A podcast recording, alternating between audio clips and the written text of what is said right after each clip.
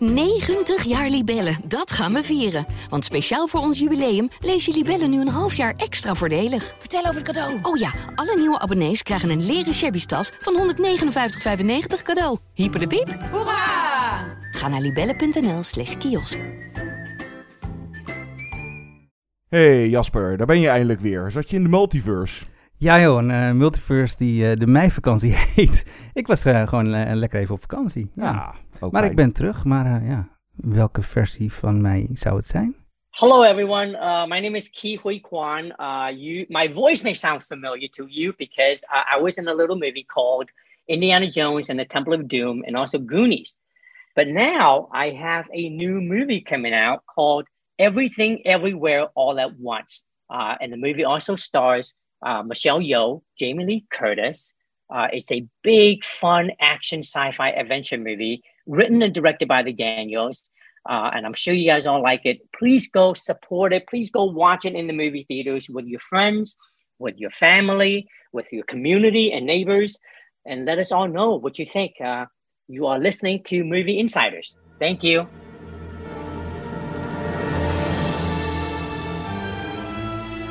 Good evening, ladies and gentlemen. We are tonight's entertainment. Movie Insiders. Why should I waste my time listening? Because I have a right to be. I have a voice. Groovy.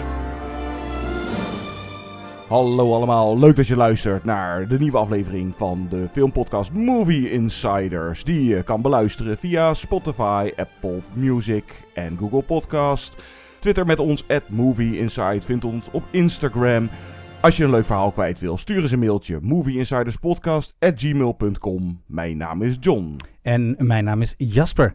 Wat gaan we vandaag doen? Het wordt een beetje een eh, andere podcast dan anders. Het wordt een beetje een, eh, een mix en match. Deze podcast gaat voornamelijk over eh, de geniale film Everything Everywhere All at Once. Maar vanwege mijn vakantie heb ik die nog niet gezien. En Guido en John hadden die wel al gezien, dus die hebben vorige week alvast een recensie voor ons opgenomen. Ook heeft Guido de acteur Ki Wee Kwan geïnterviewd. Dat, die speelt in Everything Everywhere All at Once. En die zou je kunnen kennen als Short Round uit Temple of Doom. En hij zit ook in de Goonies, toch? Ja, klopt. Wauw. Wat gaan wij dan nog doen met z'n tweeën? Nou, gewoon dit.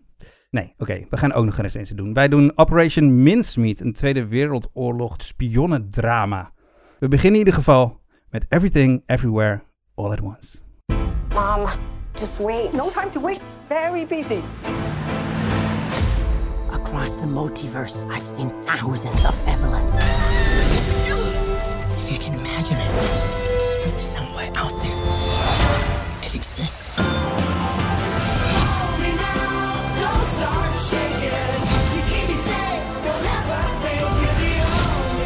The universe is bigger than you realize. Do you think this is funny?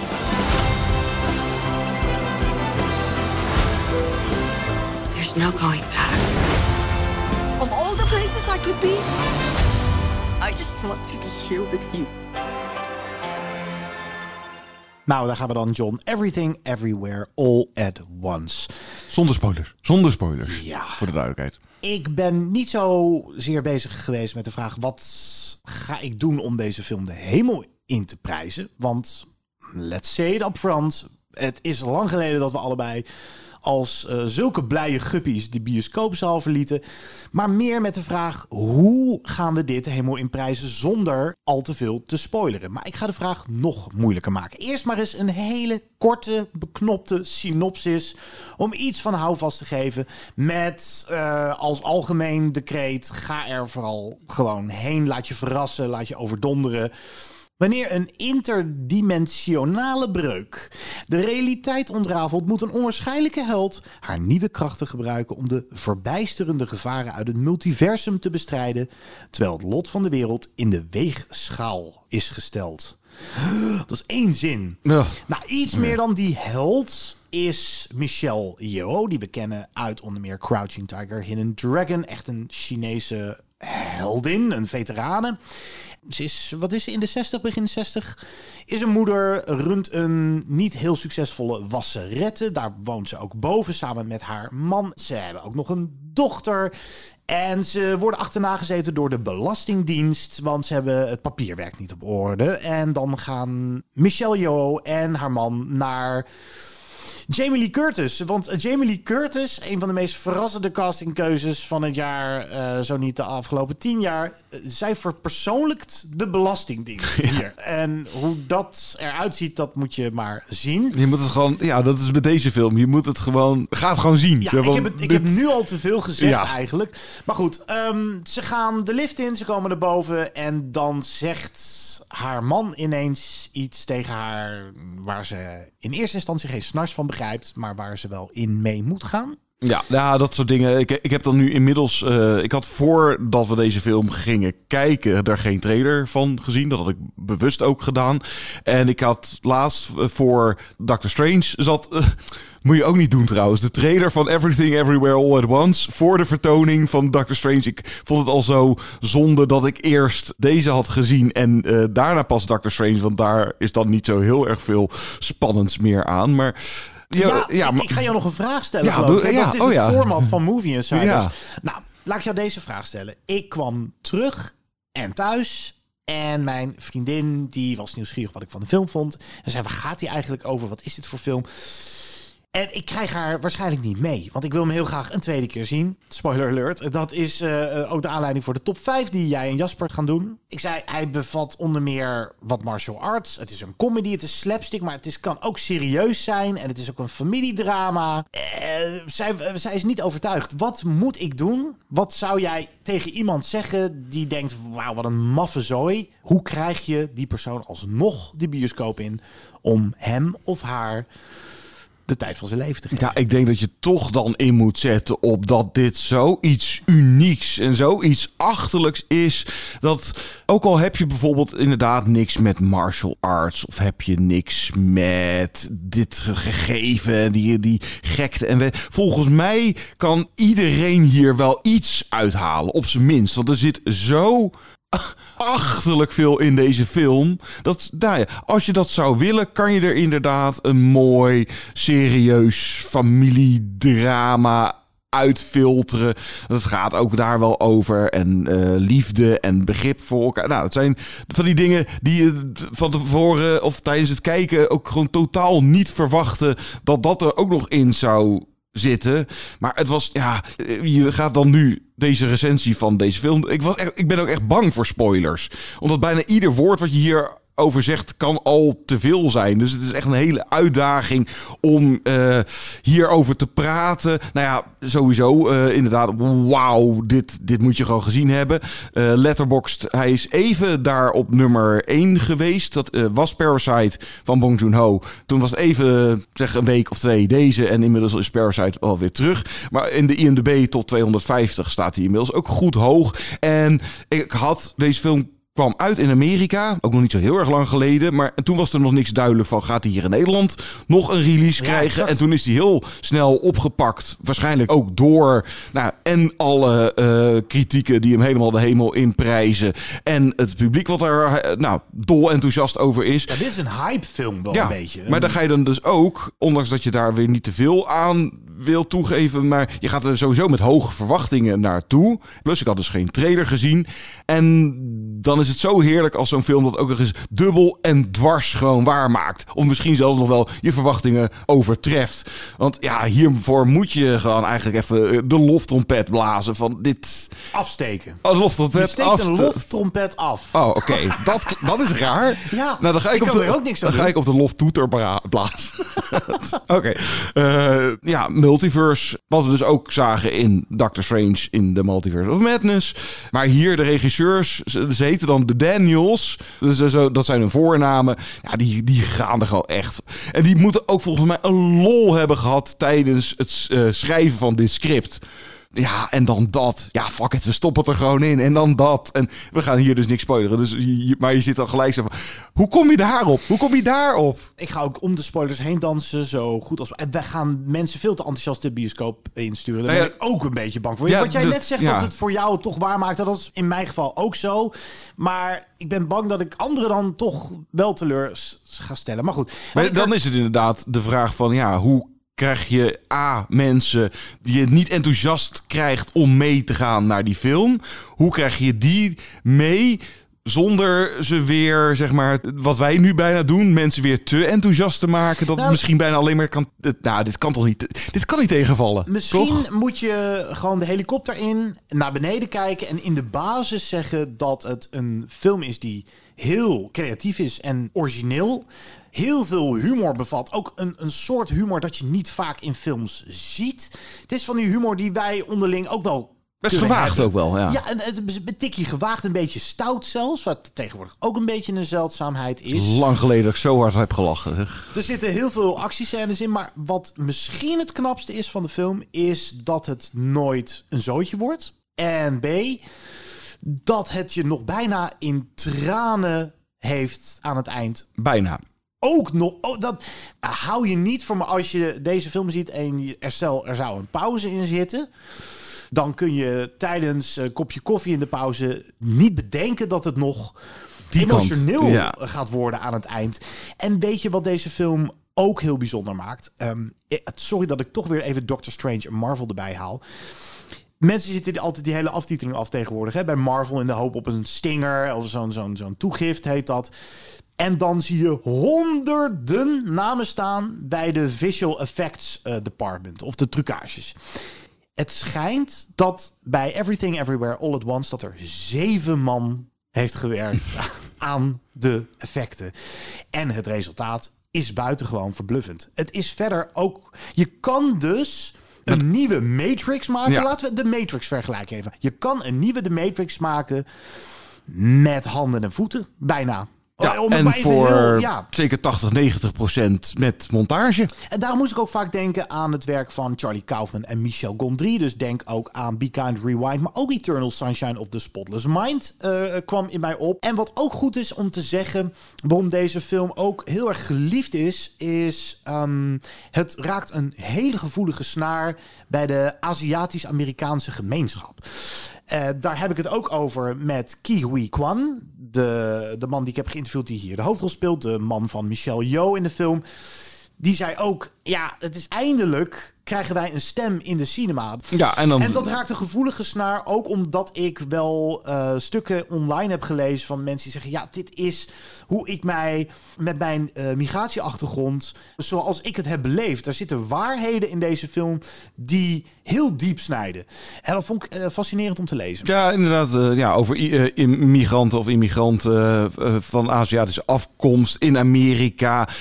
En het, ja, bijna inderdaad zo'n cliché van... Natuurlijk hebben ze een wasserette. eh, maar dan zit er ook, nou ja, racisme. Er zijn ook weer van die verrassingen in deze film. Het wordt inderdaad wel een beetje aangestipt, maar kijk ook niet raar op als zij zelf ook heel racistisch blijken te zijn. Eh, eh, dat soort dingen allemaal. Plus dat het is op sommige momenten zo achterlijk chaotisch, maar je, je hebt gewoon het idee dat, nou, of alles klopt, weet ik niet. Dat zou je dan helemaal moeten gaan zitten uitpuzzelen of wat dan ook. Maar het geeft niet. Het doet er niet toe. Of alles, eh, want alles kan in. eh, zoals je dat bij eh, Marvel ook al aangaf, daar ben je inderdaad bijna bang van. Ja, als alles kan, wat is Doet er dan, dan nog voor? Wat staat er nog op het spel? Ja, en, en hier doet het er niet zoveel eigenlijk toe van of er echt iets op het spel Nee, staat of zo. John, ja. Het gaat in de basis gewoon over een familie. En daar zitten wat barsjes in die eh, gezinssituatie. En die moeten worden gelijmd of niet. Dat is het eigenlijk. En daar is iets krankzinnigs omheen bedacht. Maar dat is het in de kern nog steeds. En dat is En, zel- en zelfs die kern werkt. Ja, die Ja. kern. En wat ook werkt, is er zitten een aantal grappen in dat je denkt, wauw, geweldige vondst. Maar de Daniels beleven er ook nog eens plezier in om naar die grap terug te keren. Mm. En daar meer mee te doen. En daar alles uit te halen wat erin zit. Dat waren voor mij de meest verbluffende momenten. Dit, het loont dus toch om creatief te zijn, om buiten de lijntjes te kleuren. Dat is vooral het meest vrolijke gevoel wat ik er in brede zin ook een beetje aan overhoud. Creativiteit loont. Het is een hit. Laten we hopen dat dat hier ook gaat gebeuren. En spread the word. Dit is echt zo'n mond-op-mond reclame. Ja. Van eh gaat zien en geloof de hype. Nou, dit is, niet, alle, dit is niet zomaar buiten de lijntjes kleuren. Dit is alsof je een hele groep peuters zo'n eh, zo'n zo'n doosje met kleurpotloden hebt gegeven. En, en, En dat het vervolgens op de muren staat. Ja, dat, Ja, dat, ja, dat, is het eindresultaat. Want ja, dit is visueel, filmisch feestje.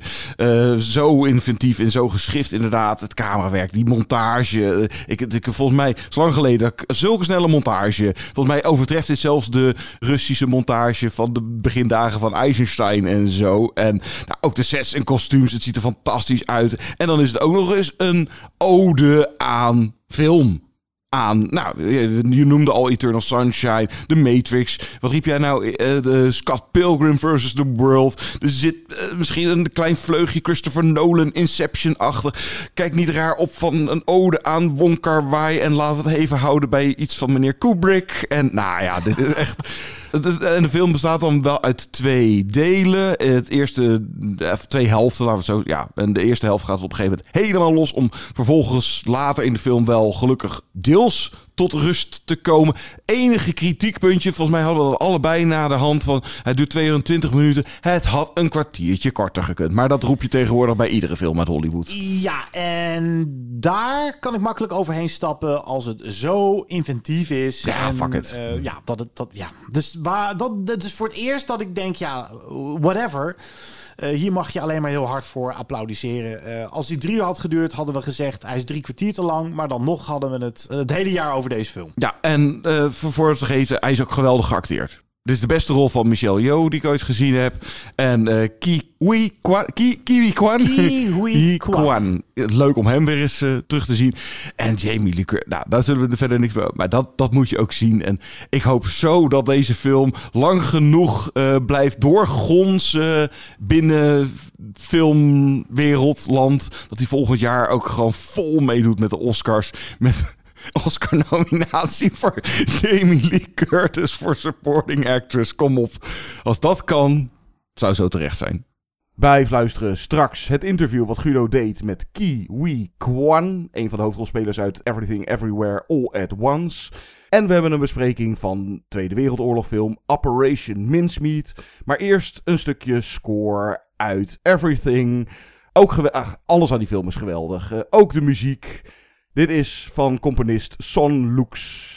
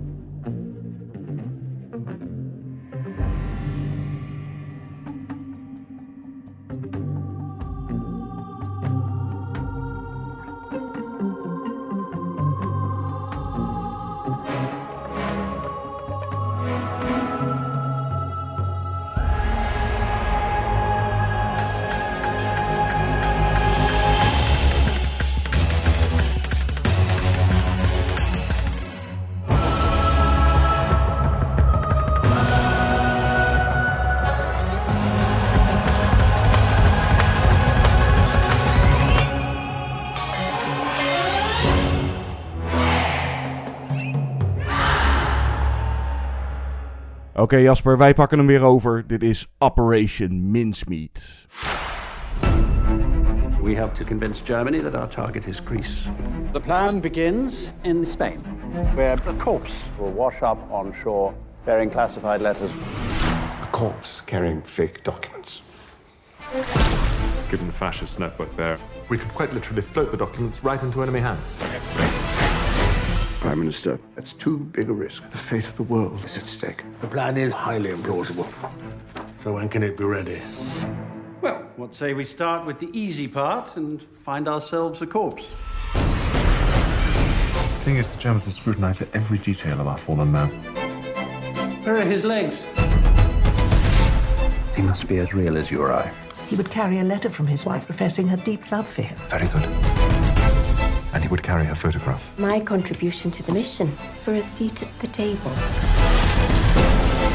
Although, what if the autopsy reveals he didn't die of drowning? Or if the briefcase is returned to us without the Germans seeing its contents? Een stukje geschiedenis. In 1943 wilden de geallieerden Sicilië binnenvallen. Dat werd echter sterk verdedigd door Duitse troepen. Dus kwamen de Engelsen met een list, bedoeld om de nazi's ervan te overtuigen dat de invasie in Griekenland zou plaatsvinden in plaats van het veel logischere Sicilië. Om dat voor elkaar te krijgen lieten ze een lijk van een schijnbaar Engelse officier aanspoelen in Spanje. Op zijn lichaam zaten zogenaamde geheime papieren die spraken over de invasie van Griekenland. De list lukte. Hitler verplaatste zijn troepen naar Griekenland en Sicilië had amper verdediging toen de geallieerde invasie begon. Nu is er de film Operation Mincemeat, die over dit bizarre stukje geschiedenis gaat. De film maakt van deze feiten een nogal geromantiseerd verhaal over de mensen die die list bedachten en uitvoerden. John, werkte dat voor jou of had je het liever iets dichter bij de feiten gehouden? Ja, ik had sowieso liever gezien dat de film zich wat meer had gefocust op de Operation Mincemeat. Want dat is natuurlijk zo'n fascinerend en fantastisch verhaal. Hoe ze dat met die misleiding, met een lijk, met valse papieren. En dat het ook alles moest ook kloppen en tot in details. En ze hebben een hele identiteit aan de, uh, bij dat lijk bedacht en een achtergrond. En hij heet zo. En dat was zijn liefje. En hij ging op zondag naar de kerk braaf. En dat, nou, eigenlijk een soort van ja, spionage-idee. En het grappige is, uh, dat klopt ook daadwerkelijk. Ian Fleming, ik weet even niet meer wie hem speelt, maar hij komt in deze film ook voorbij. Sterker nog, hij is de voice-over. Hij is, ja, hij is de narrator inderdaad. Ja. Uh, dat is natuurlijk de schrijver van uh, James Bond. En die was, nou ja, niet zozeer betrokken bij deze operatie, maar hij was daarvan op de hoogte. En ik denk dat ze voor deze film ook wel wat dingetjes erbij gedaan hebben. Als dat iemand wordt M genoemd. En er is daadwerkelijk al iets van Q met een gadget van een horloge. Met een soort van zaag, uh, cirkelzaagje erin of zo. Nou, of dat echt. Uh, en plus dat, ik geloof, uh, wat is het, Colin Firth en die ander hebben het ook over van ja, iedereen is momenteel een boek aan het schrijven. Maar er had voor mij wel wat meer aandacht aan echt het spionage-element besteed kunnen worden. Want het is jammer dat eigenlijk gewoon te veel tijd onnodig wordt besteed aan het, laten we even zeggen, het romantische subplot. Ja, helemaal mee eens. Ik, uh, ja, ik had er ook echt last van. Uh, ik ken het echte verhaal best goed. Ik heb er ook een documentaire over gezien een paar jaar geleden.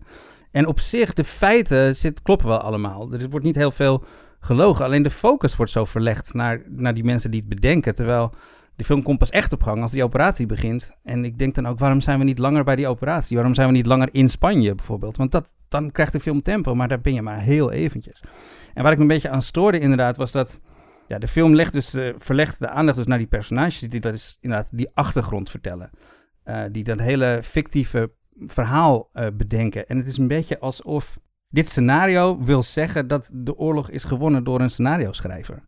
Ja, er wordt inderdaad uh, dus door nou, Ian Fleming, uh, de verteller, die heeft het ook constant over nou, de stille oorlog. En dat gegeven is natuurlijk wel interessant van ja, dat wat er achter de schermen plaatsvond in de gesloten kamers. Uh, en daar werden vaak uh, beslissingen genomen waarmee bijvoorbeeld uh, een bepaalde invasie daadwerkelijk gewonnen kon worden. En dat levert in deze film dan wel de beste scènes op, als ook de planning.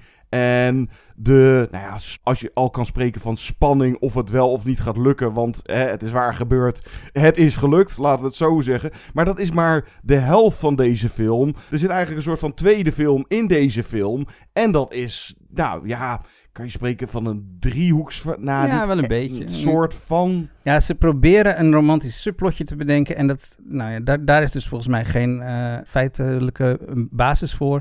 Er zijn eigenlijk drie hoofdpersonages die eh, samen dat verhaal schrijven van die officier. Eh, Colin Firth eh, speelt een van hun. eh, Matthew McFadden van Succession speelt de, andere. En dan hebben we nog Kelly MacDonald, die we kennen uit Boardwalk Empire. Je hebt trouwens En- twee, twee Mr. Darcy's. Twee Mr. Ja, Darcy's, ja, allebei inderdaad. van de Ja. Pride and Prejudice. Dat is toch een soort driehoek Ja. dan. Ja, en die vormen dus een soort driehoek, want beide mannen zijn in de film in ieder geval geïnteresseerd in Kelly MacDonald. Maar ik moet zeggen, dat romantische subplotje, dat ging voor mij nooit leven. Eh, de vonken spetten er nou niet bepaald van af. Eh, en het, was, was ook een- niet nodig, het was vergezocht, het was helemaal niet interessant. Nee, het was ook omdat nou, Colin Firth's personage, Ewan heet hij volgens mij, die, is wel die heeft gewoon een familie. En zijn vrouw en kinderen zijn dan naar Amerika. Kelly MacDonald, G- eh, Jean dan, die komt bij het team. En ja, daar is wel een, nou ja, nee, chemie kan je niet van spreken. En dan heb je die Matthew McFadden, die speelt Charles. En die is weer jaloers, want die is wel vrijgezel en die wil graag met... Het doet daar allemaal Nee. niet zo heel erg veel toe. En ook dat wat erbij zit van dat de broer van Ewan, ofwel Colin Firth, misschien een Russische spion zou zijn. En Ja, dat, dat hebben ze dan ook weer ingestopt, omdat het echt in het echt zo was. Maar dat, in dit geval van de film zou je dat misschien nog beter weg kunnen laten, want het maakt het alleen maar ingewikkelder. ja, inderdaad. Nou, eigenlijk alle persoonlijke shit of alle persoonlijke drama leidt alleen maar af van waar het in deze film vooral over moet gaan, is eh, ja, hoe ze die hele operatie. En het ligt niet aan de acteurs of zo, want die zijn allemaal wel prima. Nou, vielen met. Nou ja, ze doen het niet slecht. Laten Nee, maar ik had het gevoel dat ze een beetje een soort op de automatische piloot bezig waren af en toe. Ja, maar dat kan misschien meer aan het script of de Ja. regie hebben gelegen. Dat zou ook kunnen. Ik, ja. ik, heb wel, ik had wel het idee dat de acteurs doen wel gewoon hun best. Eh, trouwens, Colin Firth is wel 20 jaar te oud. Niet dat ik me eraan stoorde, maar het viel me tijdens de film al direct op van... Volgens mij moet hij iemand van in de 40 spelen, maar hij is inmiddels 60 plus. eh, of, of 60. Ach, nou ja, dat zien we dan maar even door de vingers. En op zich, het is dus wel, wel goed gespeeld. En ze hebben wel degelijke dialogen die ze uit kunnen spreken. Dus het Mm. probleem van de film zit hem niet bij de acteurs. Die doen gewoon hun ding en die kunnen dat. dat ja. Ja. ja, het probleem zit vooral bij het scenario, denk ik. ik. Laat ik nog wat iets positiefs zeggen. Ik vind wel dat die scènes waarbij ze dus die achtergrond bedenken van, dat, van, van hun fictieve officier, die, die gebruiken ze eigenlijk om de hoofdpersonages beter te leren kennen. En daar, ze hebben daar heel veel plezier in, in het bedenken van, van die achtergrond. En je merkt ook dat ze steeds meer dingen van zichzelf erin stoppen. In het leven van die eh, niet bestaande officier. Dus dingen, ja, hun eigen dromen, hun eigen spijt, hun eigen hoop, dat soort dingen. En dat was op zich nog wel redelijk gedaan. Ja, de toon van de film is redelijk licht. En dat komt ook omdat tot die operatie eindelijk aan de gang is, en dan ben je al een goede driekwart in de film, de film en de personages er eigenlijk helemaal niet van uitgaan dat dit allemaal verschrikkelijk mis kan gaan en dat het dan duizenden levens zou kosten. Dat eigenlijk pas als die operatie onderweg is, komen dat soort dingen eh, naar boven. En wat ik ook jammer vond, is dat er niet meer gedaan werd met de morele kwestie. Want ze stelen eigenlijk het lijk van een zwerver die zelfmoord heeft gepleegd, man uit Wales. Eh, die leggen ze twee of drie maanden in een vriezer ergens. En die geven ze deze hele identiteit. Ja, daar zit natuurlijk wel wat eh, morele haken en ogen aan. En dus de film lost dat op met één scène waarbij een familielid op komt draven. Die eh, ja, dus eigenlijk het hele plan in gevaar brengt. Maar dat familielid is na die scène ook meteen helemaal verdwenen. Komt niet meer terug in de film en komt ook niet meer terug in de gedachten van de personages. Eh, wat jij zei, even iets positiefs over de film. Ik wil nou niet zozeer dat ik negatief over deze film ben. Want ja, nou, degelijk. Dat was echt een woord wat me te binnen schoot. Het is gewoon degelijk en onderhoudend. En John Madden, de regisseur. Nou, op zich gewoon alles qua regie en het camerawerk, de montage, de production. Het is gewoon allemaal, het is verzorgd. Er valt ook niet echt heel erg kwaad te worden op deze film. Dat er echt iets slecht aan is. Alles is wel op zijn minst voldoende. Het is alleen dat je bij dit hoopt op een veel gavere spionagetriller of wat, wat, wat meer ja, spanning. Wat ik zeg, spanning opbouwen is lastig natuurlijk, want je, je weet de uitkomst. En ze doen wel hun best om het nog een soort van hoe jee gaat het lukken. Op zich dan eh, trouwens zonder actiescènes er echt in. Of in ieder geval geen uh, grote actiescènes. Je krijgt even, geloof ik, een halve minuut dat ze op het strand van Sicilië de invasie vindt plaats en alles komt goed. Maar het is dat de film gaat ook niet voor de Saving Private Ryan-achtige aanpak of zo. Maar al met al, alles aan de film is wel oké. maar voor mijn gevoel zit er een veel gavere spionagetriller in verstopt. Ik vind het frappant blijven dat het dus John Madden eigenlijk niet lukt om een fictief verhaal te maken van deze werkelijke gebeurtenis die eigenlijk al zo bizar is dat het fictie lijkt. Ik wil nog even terugkomen op uh, Ian Fleming, waar je het net over had. En uh, het feit dat iedereen een, een spionnenroman wil schrijven bij de geheime dienst. En ze gebruiken dus Ian Fleming als voice-over. En ze, ze suggereren ook dat hij daar ongeveer op het idee van James Bond komt. Ik vraag me af waarom ze dat doen. Want kijk, James Bond, de boeken, zit natuurlijk veel meer actie in dan in deze film. Dus doen ze dat om te laten zien, de echte geheime dienst, het leven in de echte geheime dienst, was niet zo als in de James Bond films. Dit is het normale leven in de geheime dienst. Of is het, waar ik bang voor ben, inderdaad om te laten zien dat schrijvers, dat creatievelingen grote impact hebben gehad op het verloop van de oorlog. Deze podcast is nog niet voorbij. Blijf luisteren. Eerst een stukje score van Operation Mincemeat van componist Thomas Newman.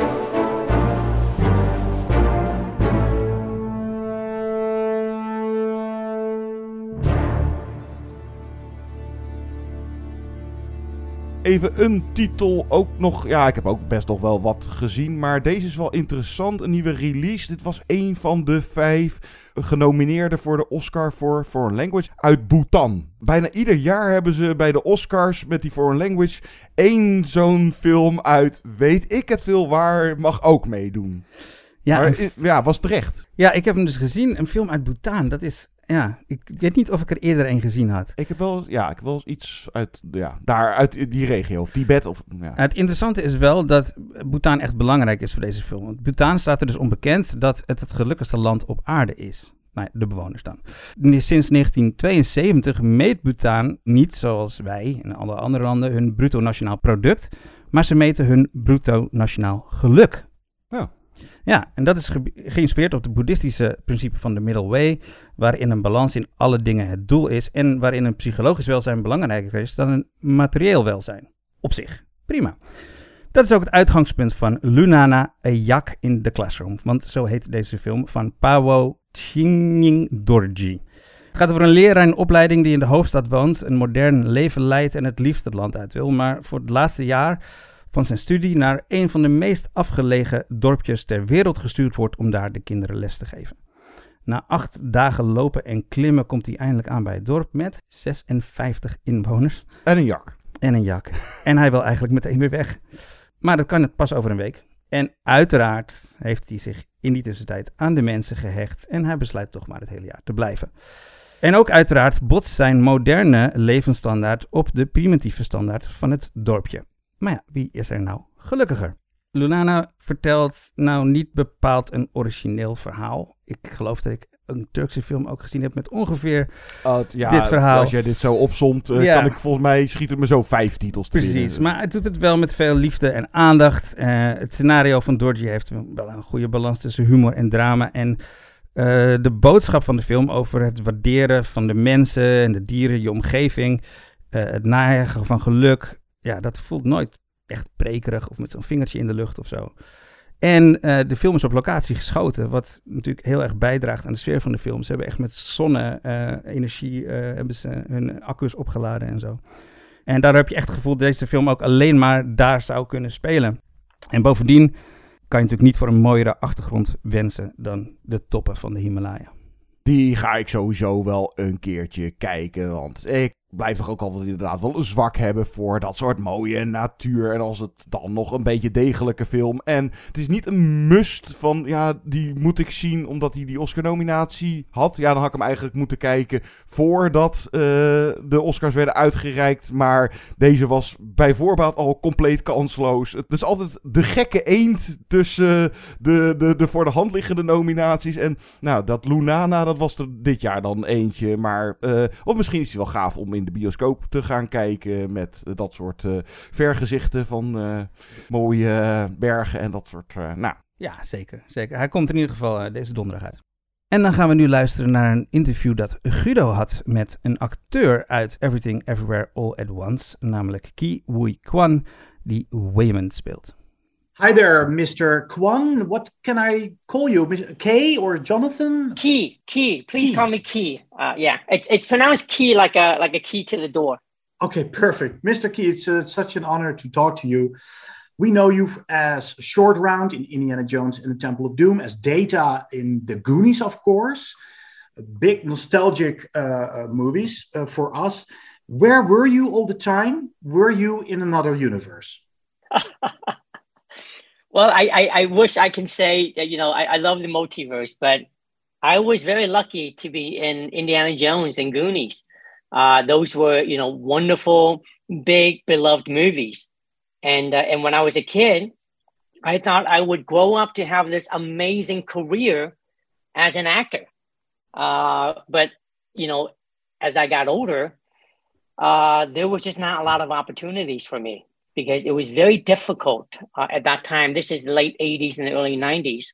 Uh, it was difficult to be an Asian actor, you know. Um, so when I found myself just, you know, sitting by the phone and wing and waiting for it to ring with not offers but opportunities to audition for roles, and when they did come, it, it, it came, you know, far and few in between. Uh, and it, for a time, it was not fun anymore. Uh, And so I decided to step away from acting. I went to film school, uh, graduated, and started working behind the camera. And I was content doing that for many, many years until 2018 when a little movie called The Crazy Rich Asians came out. Yes. Uh, and I saw it three times in the theaters. Uh, I cried every single time. I cried because it was a beautiful movie, uh, a very touching movie. But I also cried because I wanted to be up there with my fellow Asian actors. I had serious FOMO, um, and that was when I really decided to to to get back into acting. Wow. So that must have been also a disappointing time for you in, in, in the period that you were uh, looking for an acting job and didn't didn't get it. How hard was that? It, it, it was hard. It was hard because uh, you know back then, if you were to stack up a hundred scripts and go through every single one of them, uh, there was a high probability that none of them, none of them would feature any meaningful Asian characters. Uh, in fact, the last audition that I did prior to coming back as an actor for Everything Everywhere All at Once, the very last audition that I did was for a character that didn't have a name. It had three lines. And I went in there to audition, went in there to the casting office, and I walked in the room, and there were 30 other Asian actors waiting to read for this tiny, tiny part. That was the reality back then. Wow. That's what it was like. lot. That says a lot. Uh, and and and that now, of course, flash forward to where we are now, or more recently, you know, you have like a, a, a, a television show that features an all entire Asian cast called Fresh Off the Boat. You have a movie called Crazy Rich Asians, The Farewell. You have a movie, Shang-Chi and the Legend of the Ten Rings. And now you have everything everywhere all at once. I mean, times have changed. I know, I know there's still a lot more work to be done, but I am so optimistic. I'm so grateful and I'm so happy where things are and where it looks like it's heading. Yeah. Uh, and that's why that's why I'm here. That's why I'm an actor again. And were you asked for the part in Everything Everywhere All at Once? No, no. After I decided to get back into acting, I called up an agent friend and asked him if he wanted to represent me. And this is after decades without an agent. Uh, he said yes. Two weeks later, I got a call about this movie, Everything Everywhere All at Once. Oh wow! Uh, and it was incredible. And and right before I was scheduled to go in and audition for the Daniels, they sent over the script, and I read it, and it was one of the happiest reading I've ever done. Uh, it was also a script that I wanted to read for a long time. It, it never existed before. It was a script that features an Asian family, an Asian American family. Uh, and I was so excited and, and I wanted to be a part of this project so badly. I auditioned two times for the Daniels. Never, never in my wildest imagination did they think, I mean, did I think that I would be in this movie? So that's why I am so grateful to the Daniels for gifting me this amazing opportunity. And, and ever since that movie came out, I, I've been on such an emotional ride. I've cried more so in the last two months than I've cried in the last 20 years. Oh, wow. I, I, I didn't think the audience would embrace my return to acting with such enthusiasm. The last time they saw me up on the screen, I was a little kid. Yeah. Yeah.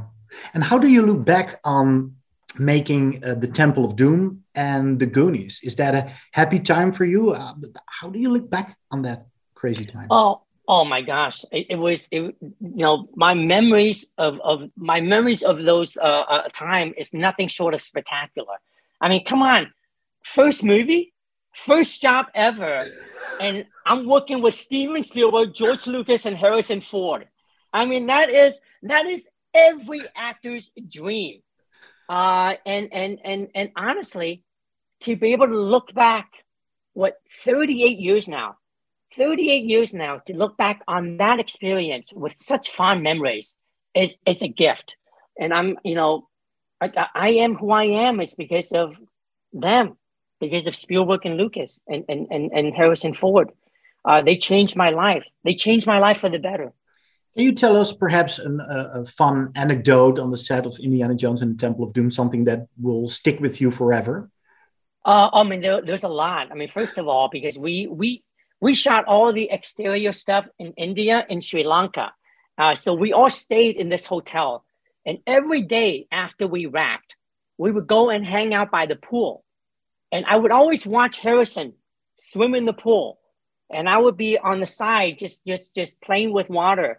And he says, one day he says, Key, come on, come on, come swim with me. And I go, no, no, no, I don't know how to swim. And he says, What? Let me teach you. Oh, so wow. to this day, so to this day, I know how to swim is because of Harrison Ford. Fantastic. so it must have been. Um, was it difficult to go back to acting because you were a little kid?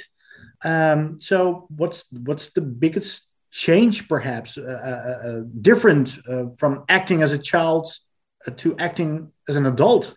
Well, you know, when I when when when I stepped in front of the camera for the first time after so many years, uh, I didn't know what to think, honestly, uh, because I haven't done it for so long. Uh, but the minute I stepped on set, all those wonderful memories that I had working, you know, on, on Indiana Jones and Goonies kept rushing back, and I realized that, you know, I'm so much happier in front of the camera. Uh, this is where I belong. This is where I want to be, and and to to come back with this character, Wayman, not just Wayman, but three versions of Wayman, and to be a part of this movie and have it as my comeback movie yeah. is extraordinary. Uh, of course, you know, I was really nervous uh, and I had three months to prepare. So, you know, I hired myself an acting coach a dialogue coach, a voice coach, and a body movement coach. So I had all a lot of help, and I wanted to make sure that that you know that I give justice to this character, and especially when you're working with alongside legendary actors Michelle Yeoh, Jamie Lee Curtis, and James Hong, right? You wanted to do a really good job, and you want to be as good as them, and and that's why I I, I worked really hard. I tried, and and and I'm so happy, so proud of a movie, uh, and also to have to see the audience reaction to our movie has been incredible. People are really loving it, and uh, and you know I'm kind of even embarrassed too because they're saying that this is a life changing movie. I I'm not um, overreacting if I'm saying that you are really giving an Oscar worthy performance in this in this movie. I really think so. Um, so well, let's see. And, and what's next for you? Is, is, there another project coming up for you? Yeah, I'm shooting a television series for Disney Plus called American Born Chinese. Uh, it's with Michelle Yeoh as well too. We have an amazing cast. Uh, Destin Daniel Cretton, who directed Shang-Chi, uh, directed uh, the first episode, and he's producing it alongside Melvin Marr, Jake Kasdan, and Kelvin Yu. It's based on a graphic novel of the same uh, name we have an amazing cast and it's really special. Uh, I can't wait for the world to see it uh, because it's, you know, for the longest time, there was only one television series on primetime television that featured an Asian cast, and this is going to be the second. Wow. Uh, uh there's a lot of action in it. It's funny. It's, it's, it's a story about fitting in, a, a theme that we all can relate to. Uh, and I think the audience is going to love it. So I'm very excited now it was such an honor talking to you, and I hope to see you in this Disney Plus show. I'm uh, looking forward to it, and perhaps do a next. I could have talked to you to, for hours. I'm so uh, interested and fascinated by your story. It's an amazing story. You should be proud. Thank you, thank you. I, I, I, every single day I'm still processing how, how really how this moment came together. How I am talking to you right now. Uh, so it's it's been incredible. Um, um, and and I I, I couldn't I you know I feel like you know somebody's you know some God is looking over me. The acting God is looking over him, giving me this this incredible opportunity, and I'm grateful every day. Thank you for your time. Have a great day, and perhaps till next time. Thank you so much, Guy. Wat een leuk interview was dat. Deze podcast is ten einde. Laat van jullie horen. Geef bijvoorbeeld een reactie op onze site movieinsiders.nl. Daar kan je ook best wel een aardig verhaal kwijt. Maar je kan ook bijvoorbeeld een mailtje naar ons sturen. movieinsiderspodcast.gmail.com Suggesties, commentaar, wat voor klassieker wil je een keer besproken? Nou, laat van je horen. Dat kan ook bijvoorbeeld via Twitter, at movieinside. Je vindt ons op Instagram. Movie.